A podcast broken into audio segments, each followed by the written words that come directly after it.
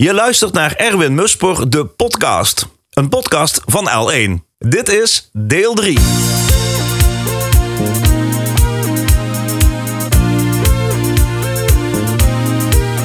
Erwin Musper is producer. In zijn lange carrière werkt hij met vele internationale grootheden. Het rijtje is indrukwekkend met namen als David Bowie, Van Halen, Bon Jovi, Mick Jagger, Metallica, Chicago, Elton John, The Scorpions en Def Leppard. Ook Nederlandse bands weten Muspers studiokwaliteiten op waarde te schatten. Doe maar, Toontje Lager, Raccoon, Normaal, Herman Brood, Frank Boeien, Bluff en Anouk werkten graag met Erwin achter de knoppen. Erwin Musper is inmiddels met pensioen en verruilt in 2014 zijn inmiddels vermaarde Bamboo Room opnamestudio in Cincinnati voor een huis aan het strand in Ecuador. Daar is hij erg betrokken bij het wel en wee van het weeshuis in zijn woonplaats. In deze vijfdelige podcastserie praat ik, Henk Hover van L1, met Erwin Musper aan de hand van 10 door hem zelf gekozen sleutelnummers uit zijn carrière. In aflevering 3 praten we onder meer over de totstandkoming van Million Seller The Wind of Change van de Scorpions. Maar ook over Duits praten in de studio en werken als huistechnicus van Van Halen. Dit is Erwin Musper, de podcast, deel 3. Een podcast van L1. We waren blijven steken bij Def Leppard's eerste grote hit in Amerika, Pour Some Sugar On Me.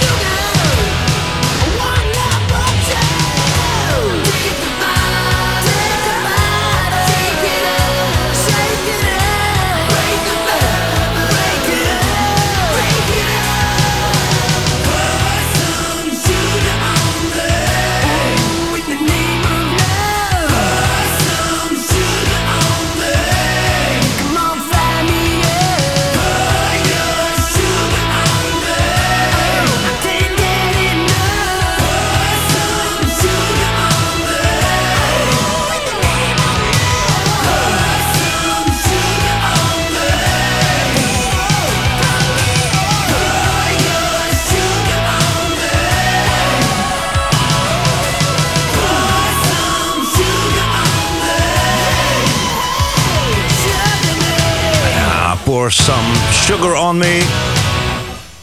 Van Def Leppard. We waren even in de stripclub. Zei hij heel stoer, ik ben er nooit in een stripclub geweest. eh. Nee, ik ook niet. maar, Erwin. eh, Jawel, je heb hebt seks, drugs en rock'n'roll. Je bent in Amerika, dan ga je toch naar een stripclub?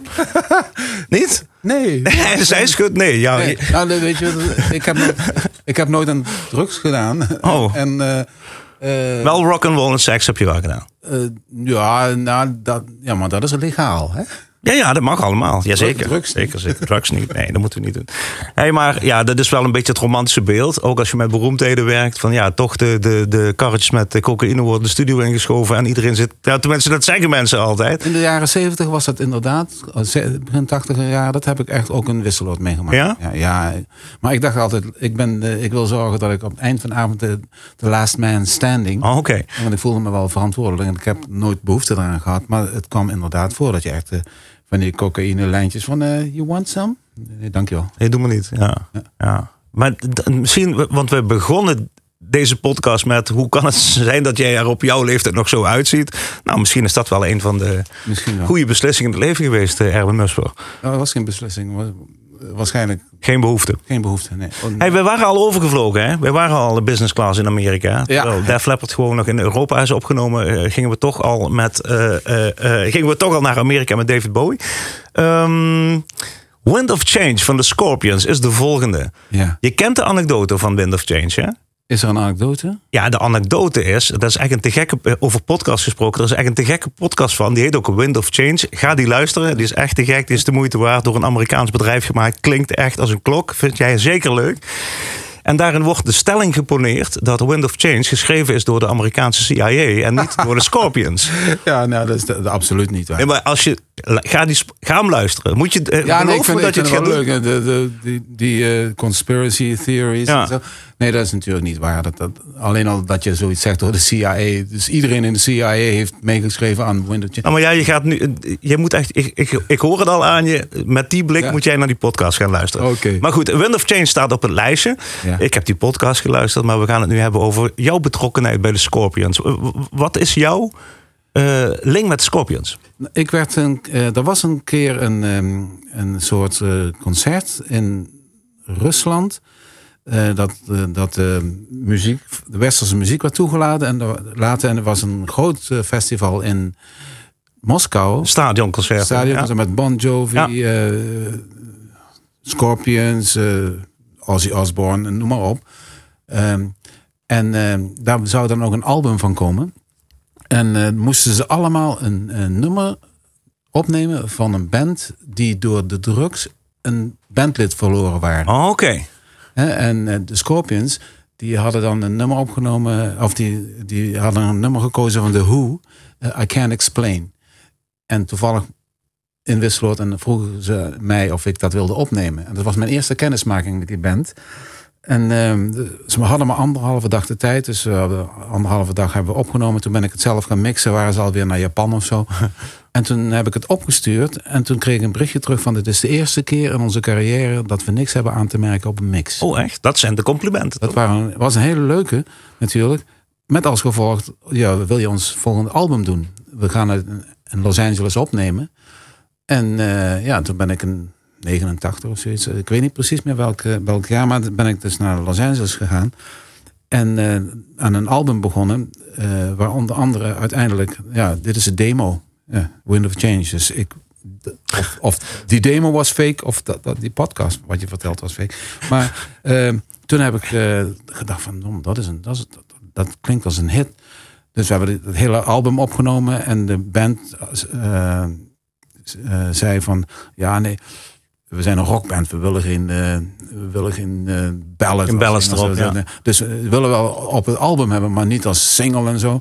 En toen eh, heeft eh, de Franse afdeling van hun platenmaatschappij heeft hem gewoon als single uitgebracht met een clip die ze in elkaar hebben gedraaid van het omvallen van de muur.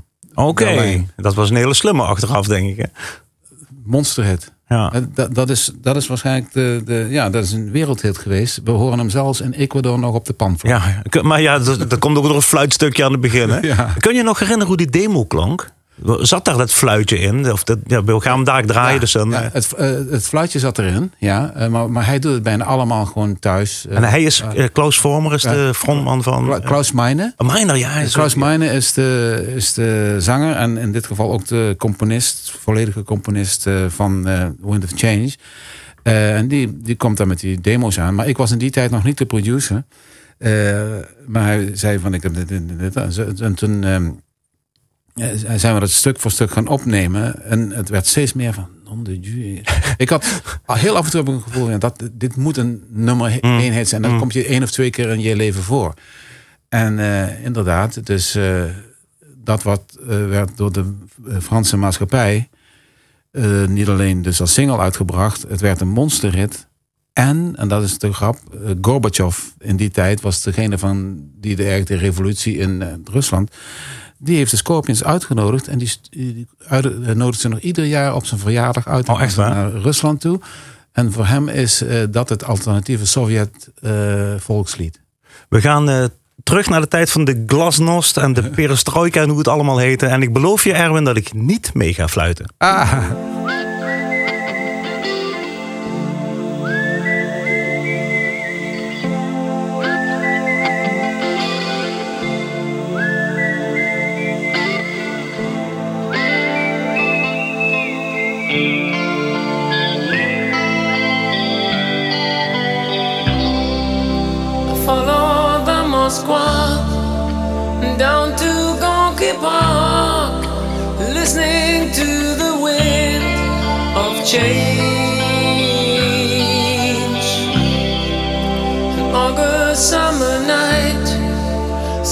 Soldiers passing by, listening to the wind of change.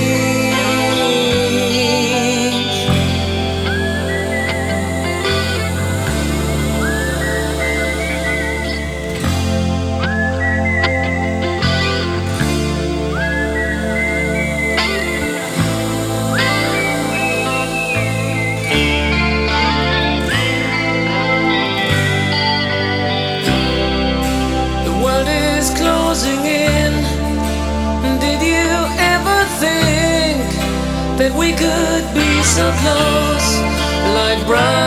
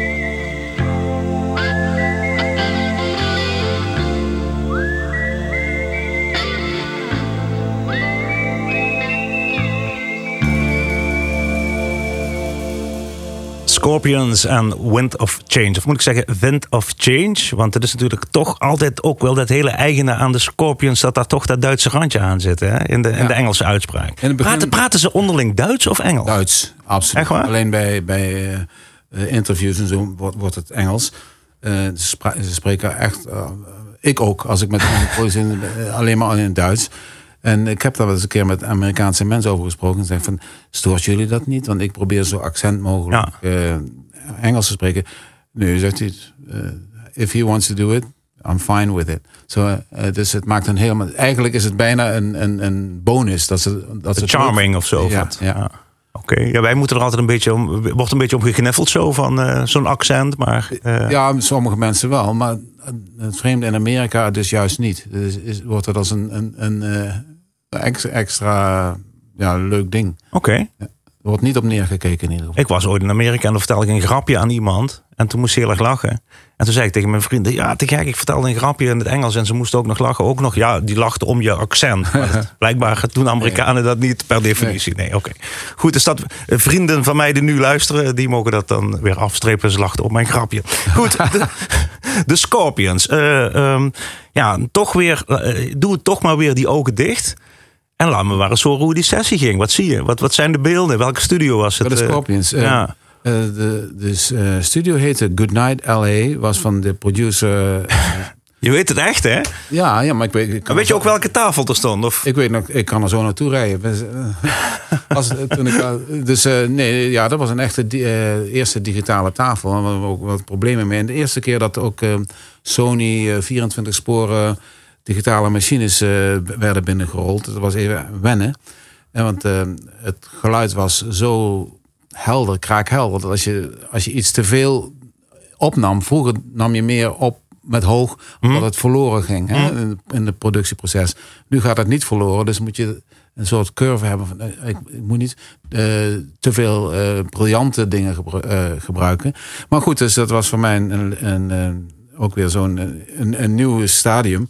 En eh, de studio, ik, ik geloof dat eh, ik weet niet zeker, maar het zou best kunnen van in die studio daarnaast, wat ik er waren twee studio's in dat, in, in dat, op dat plein. En daarnaast waren, was een ander bandje bezig. eh, Nirvana. Maar dat kenden we niet. Dat kennen we niet. Niemand ja. kende. Dus ja, je komt Die- dat waren beginners, hè? En Scorpions was gevestigd al. hè? Ja, ja Scorpions, Scorpions zijn wat dat betreft eh, koningen in, Ja. in Amerika. Ja, het is, het is een, eh, een mega, mega grote act. Ja. Eh, dat was het nog. toen, is het nu nog steeds. Hè? Ehm, maar dit, hier hoor ik wel heel erg het geluid van de jaren negentig in. Hè? Jij zei ook, eh, hoor eens hoe die drum klinkt. Dat is Mhm. Dan een beetje gedateerd misschien al wel? Ja, Of? natuurlijk. Dat, als je de producties of het, het geluid van popmuziek bekijkt over de jaren, laatste 40 jaar, het enige wat echt iedere keer is veranderd, is het, de ritmesectie qua geluid. of het moet droog, of het moet heel veel galm, of het moet elektronisch. Terwijl gitaren gewoon eh, gitaren zijn gebleven. Eh, ja, dus je kunt aan, aan ook zelfs, ik deed daar even hard aan mee. Ja, het moet zo en zo. Dan moet een snare, die moet klinken alsof het een kanonslag is. Ja, bij Bruce Springsteen bijvoorbeeld, die hele Ja. harde snare wat erin zit. Ja, ja. En dat probeerden we allemaal te eh, imiteren. En eh dan heb ik dus wel in al die jaren eh, meegedaan aan die dingen. Maar ook meegedaan als het weer terugging naar, Ja. naar af bijna. Ja. hè. Nu- Maar kun jij nou bijvoorbeeld, want je hebt in al die decennia heb je allemaal producties gemaakt. Als er nou een bandje naar je toe komt en zegt van ja, we willen weer zo klinken als in de jaren negentig de Scorpions klonken. ja, Heb je, dan kun je dat, eh, heb je in, in je hoofd een preset van oké, dan gaan we dit, dan gaan we dit, dan gaan we dit. ja, is niet zo moeilijk. Eh, Dat heb je allemaal gedaan. Je weet eigenlijk in eerste instantie hoe je met de akoestiek moet omgaan in een studio. En dan had je al allerlei eh, galmapparaten. En, eh, ik weet nog bij dat galmapparaat de P8, dat Program 8. Ja, En dan oh, ja, klik, boem, dan heb je de snare. ja, je op Dus die manier. En dat vind je dan allemaal natuurlijk in eh, digitale versies terug op je eh, computer als je wat gaat opnemen. Ja, toen wij elkaar eh, eh, eh, tien jaar geleden of zo spraken in, bij Pino hè, in, eh, in, in België in de studio. Toen vertelde jij de anekdote. Ja, ik ben vaak langer bezig met eh, de drummer om zijn drumstel na te lopen. Om alle piepjes en kraakjes en, en, en dingetjes eruit te krijgen met een oliespuitje. Dan dat we vaak in de studio zitten. Dat je heel veel tijd besteedde aan voorbereiding. Ja, dat, dat, hing dan inderdaad af hoe professioneel de band was. Er komen jongere bandjes die hebben niet door dat ze eh, dat een snoer kraakt of dat iets eh, eh, blijft brommen en zo. En dan gaan ze mee de studio in en die denken dat het daar vanzelf weggaat. En dan moet je inderdaad een, een beetje eh, tijd spenderen om hun belabberde apparatuur op te kalefateren. En dat, dat vond ik altijd ergens wel jammer. Maar vooral ook met drums. eh, Als je, als je een hi-hat pedaal hebt en piep, piep. Ja. ja, dan vraag je je af, heb je dat zelf niet gehoord? Hè? Ja. Dus daar was je dan wel een tijd mee bezig. Ja. Ja, maar is, dan, is, is de, de, de toverwoord bij een goede productie ook de gedegen voorbereiding die eraan Oh. zit? Ik kan je vertellen, de- bij iedere productie, zelfs eh, tegenwoordig... als ik een productie aanga, vanaf het moment dat iemand zegt... Wil je wat, kan ik je wat opsturen aan demo's... dan is mijn productietijd letterlijk, denk ik, drie, vier maanden. Wat, wat doe je dan? de liedjes uit elkaar trekken, Ja? eh, eh, combineren. Ik heb eh, de laatste, een van de laatste bands uit Groningen waar ik, eh, een paar albums mee heb gedaan. Die jongen is zo creatief. Dan krijg ik gemiddeld, per productie dat we doen, krijg ik 250 liedjes Oh, echt? van hem. Oké. En daar blijven dan 15 van over. Ja. Dus dat hele elimineerproces kost heel veel tijd. En dan eh, moeten er teksten gemaakt worden. Dan moeten ehm, overwogen worden hoe, hoe het ingevuld wordt. Dus eigenlijk, ik, ik heb een, een beetje een filosofie van... Goh, de, de plaat is geproduceerd. We hoeven hem alleen nog maar op te nemen. Dus daar zit het werk. Ja. En dan met goede muzikanten is het, eh, het opnemen een feest. ja, want dat is de fun. De- het, Ja. het, het opnemen zelf. Ja, het, ja. het- de, de, de preproductie, De, de pre- dat is het werk. En de, de, Ja. de opname is de, Ja. het plezier. is het feestje. Ja. Ja, nee, want, want het, de preproductie is werkelijk gewoon eh, heen en weer met e-mail en, en, en files. En dat is gewoon eh, één op één. Hè, dan, eh, dan heb je verder eh, geen andere kant van de wereld. Komt hij aan. Ik heb, kreeg vanmorgen weer een. Dus heel toevallig. Ik kreeg vanmorgen op een ding van. Ik heb weer een liedje. Stond er bij nummer 450. Echt waar. Ja. Zo. Maar ja, een crea- creatieve geest die meegaat in jou, waar, waar je mee kunt werken, die ook een beetje buigzaam is, dat is alleen maar fijn om mee te werken. toch? Ja, dat is fantastisch. En, dan, en dat trek je jezelf ook aan op, omdat zijn ja, eh, waterval van, van ideeën, eh, ja, die komen je allemaal tegemoet. En, en ik pik er heel snel, oh dat en dat en dat. En dan verfijn ik dat en dan stuur ik het terug en, en heen en weer. Dus je komt steeds dichter bij het moment dat we de arrangementen compleet klaar hebben. Eh, en dat is heel, ja, ik vind dat wel heel erg. ehm, eh, hoe, moet- ik zeggen, bemoedigend. En ondanks dat het drie, vier maanden duurt, geen moment verveling. Ja. Want je bouwt samen aan dat ene product. Ja. En dat is uiteindelijk die opnamesessie. En daarna eh, Ja.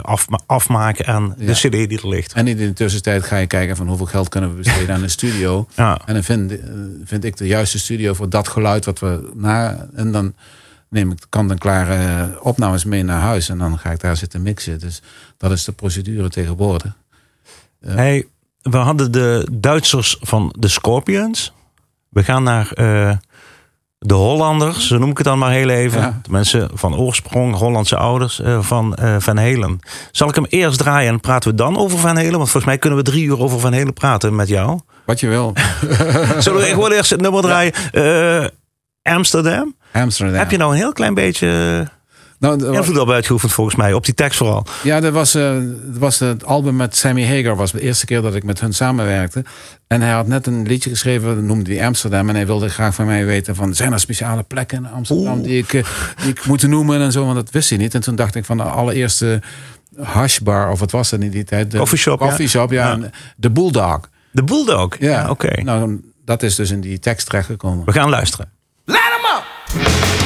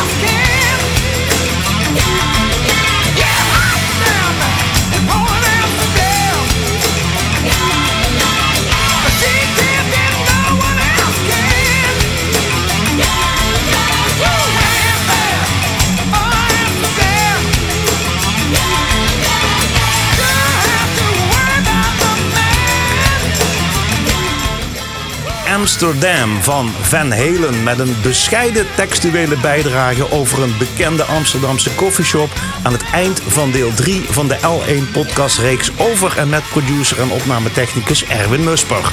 In de vierde aflevering veel meer Van Halen verhalen.